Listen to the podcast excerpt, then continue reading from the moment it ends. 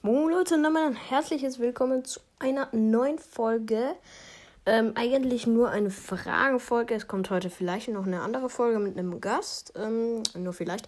Ähm, aber ja, ich wollte nur mal Brandon BS fragen, was er damit meint, dass ich jemanden das Cover geklaut habe. Also ich habe Rico's Brawl Podcast und ähm, Brawl der Podcast mit Honigbo, gefragt, ob sie mir ein Cover machen können. Das haben sie beide gemacht. Jetzt ändere ich immer die, jede Woche das Cover. Ähm, deshalb frage ich mich, was ich falsch gemacht habe. Ähm, ich habe niemanden das Cover weggenommen. Bitte schreib nochmal in die Kommentare, was du damit richtig meinst.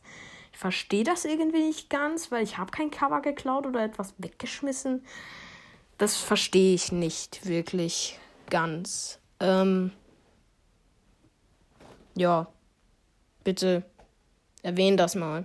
Ich verstehe das irgendwie nicht ganz. Schreib dann auch mal in die Kommentare, was du damit meinst. Ich habe deine, also deine Antwort auch angepinnt. Ähm, vielleicht können ja irgendwelche anderen von mir die Zuhörer reinschreiben, ob, ob, die vielleicht wissen, was halt, was der da meint. Ähm, aber nochmal, Brandon BS, schreib nochmal da rein in die Kommentare, was du damit meinst.